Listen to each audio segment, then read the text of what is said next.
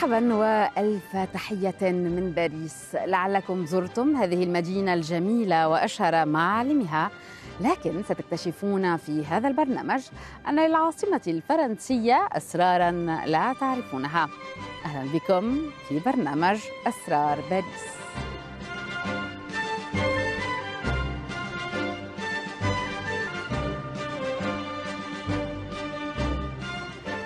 لا شك في أن الثورة الفرنسية حققت الكثير من المكاسب وضمنت للفرنسيين حقوقا أساسية كالحرية والأمن والمساواة أمام القانون.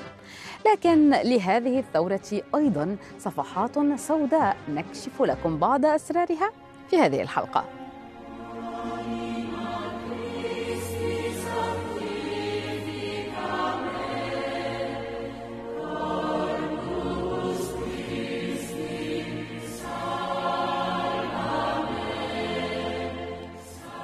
في حديقة هذا الدير ذبح الثوار الفرنسيون 110 كهنة في سبتمبر عام 1792 ففي أعقاب الثورة الفرنسية تعرضت المؤسسة الكهنوتية لحملة قمع شرسة. نكشف لكم أسبابها ونتائجها في هذا التقرير. صيف العام 1789 أجراس الكنائس تقرع احتفاء بالنظام الجديد. هنا يقام قداس لراحة نفوس من سقط من الثوار وهناك يبارك رئيس الأساقفة رايات الحرس الوطني الجديد. حتى تأميم أملاك الكنيسة لا يعكر صفو العلاقات بين رجال الدين والثوار فخزينة الدولة فارغة والكنيسة أكبر مالك عقاري في البلاد. لكن هذا الوئام لم يدم طويلاً. في يوليو عام 1790 أصدرت الجمعية التأسيسية الفرنسية المنبثقة عن الثورة نظام الحقوق المدنية لرجال الدين.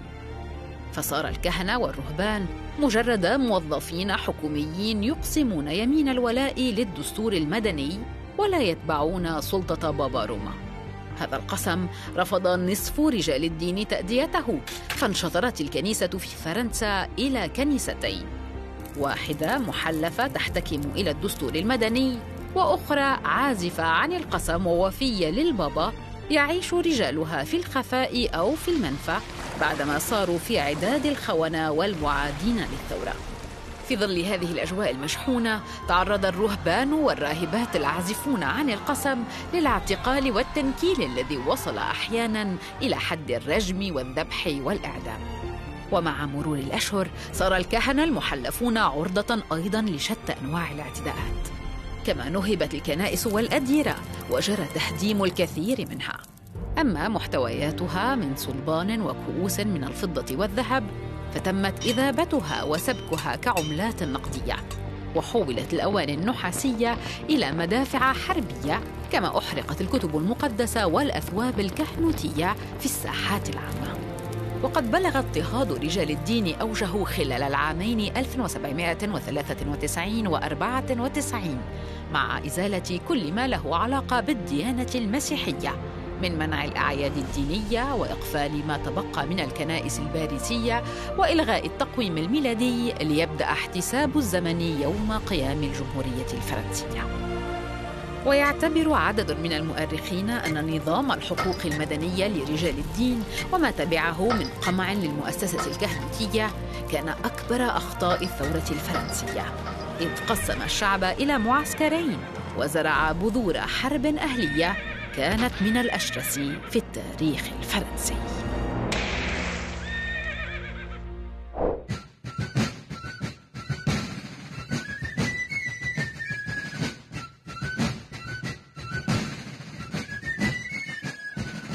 سبتمبر عام 1792 اقتحم ثوار فرنسيون سجن الكونسيرجوري هذا وذبحوا هنا في هذه الباحة عشرات ممن وصفوهم بأعداء الثورة.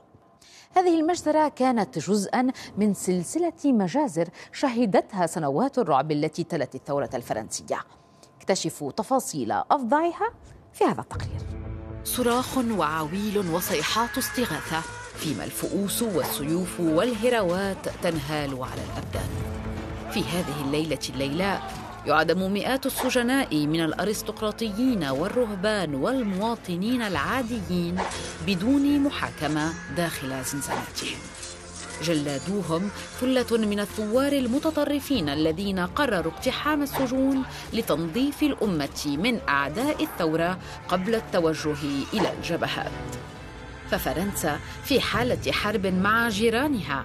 عدة مدن فرنسية سقطت في أيدي الأعداء ومخاوف الثوار من مؤامرات مزعومة تحاك داخل السجون تتفاقم. هلع عام دفع بمجموعات من الثوار إلى ارتكاب مجازر في سجون العاصمة وفي كبريات المدن الفرنسية كانت حصيلتها أكثر من 1500 قتيل. تهمة معاداة الثورة تسببت أيضا بهلاك ثاني مدن فرنسا ليون فبعدما أعلن المؤتمر الوطني المنبثق عن الثورة أن المدينة في حالة تمرد أرسل القوات الجمهورية لقصفها ومحاصرتها. وعندما استسلمت ليون في أكتوبر عام 1793 قررت السلطات الثورية معاقبتها وهدم أبنيتها وإنزال أشد العقوبات بأبنائها.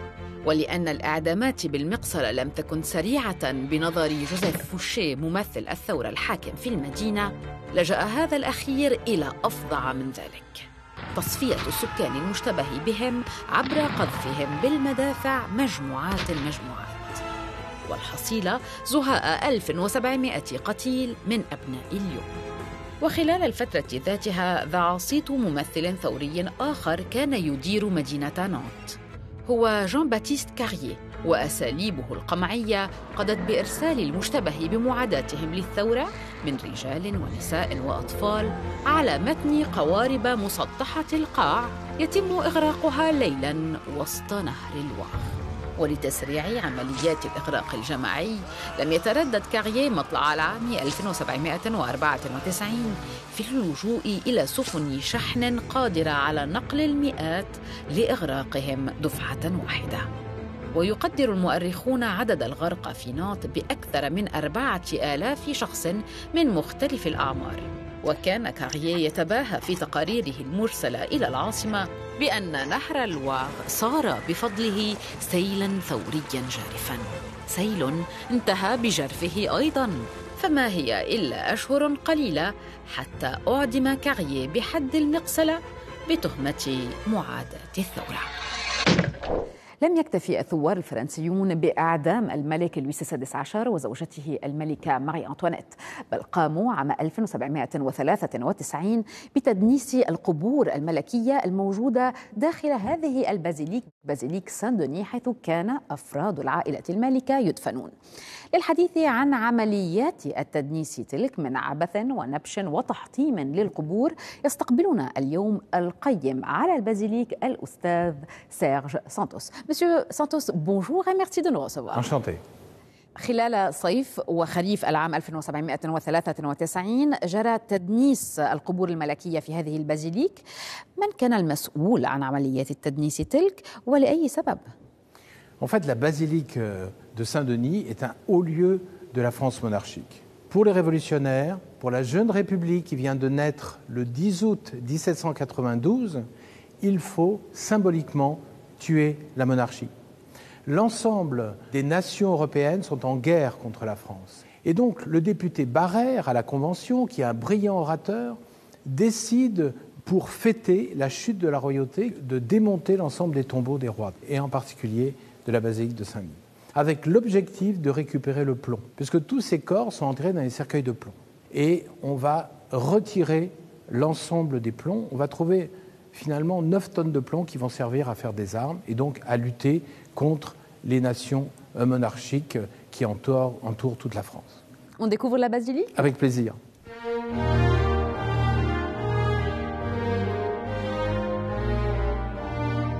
ما الذي جرى لرفات الملوك والملكات ولجثثهم المحنطة؟ Alors du 12 au 25 octobre 93, les révolutionnaires viennent dans la basilique et vont ouvrir l'ensemble des tombes. Et ils vont directement dans la crypte et ils souhaitent ouvrir d'abord le cercueil d'Henri IV. Henri IV, c'est un roi qu'on aime beaucoup encore. Et là, on se rend compte que c'est une véritable momie. Il est parfaitement conservé. tellement bien conservé qu'on va le présenter pendant deux jours dans la crypte. Alors on sait par exemple que Louis XV, qui était mort de la variole, n'avait pas été embaumé. Et là, on le retrouve dans un état de décomposition absolument euh, terrible. On dit en putréfaction liquide.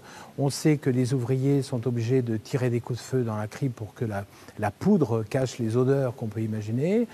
Et puis il y a Louis XIV, le fameux Louis XIV, qui était bien sûr enterré dans la basilique, qu'on va découvrir. Et il est noir comme l'encre. Pourquoi? Parce qu'il est mort de la gangrène et que la gangrène s'est développée sur l'ensemble de son corps. Alors tous ces corps sont jetés, on peut dire jetés, placés dans deux fosses communes jouxtant euh, la basilique de Saint-Denis, c'est-à-dire juste derrière cette porte ici. Vous nous faites découvrir la crypte? Avec grand plaisir, allons-y.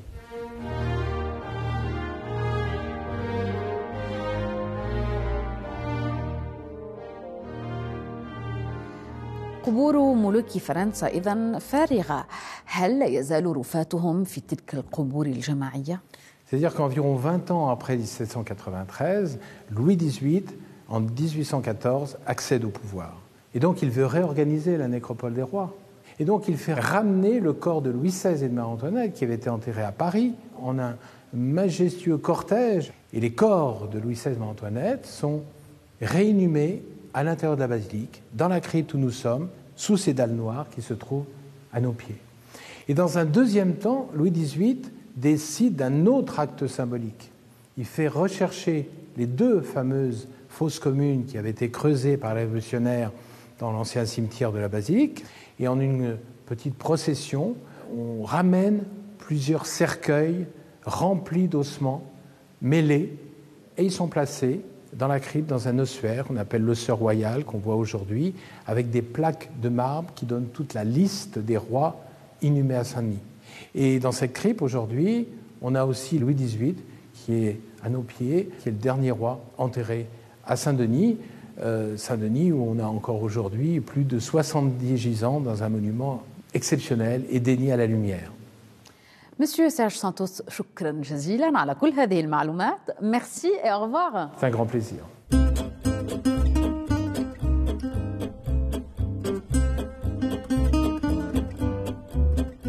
كما رأينا في هذه الحلقة لم تكن كل فصول الثورة وردية هذا البرج الذي ترونه خلفي والمعروف باسم لا تور سان جاك هو كل ما تبقى من كنيسة دمرها الثوار على أمل أن تكون هذه الحلقة قد نالت إعجابكم. أودعكم وأضرب لكم موعدا في حلقة جديدة من أسرار باريس.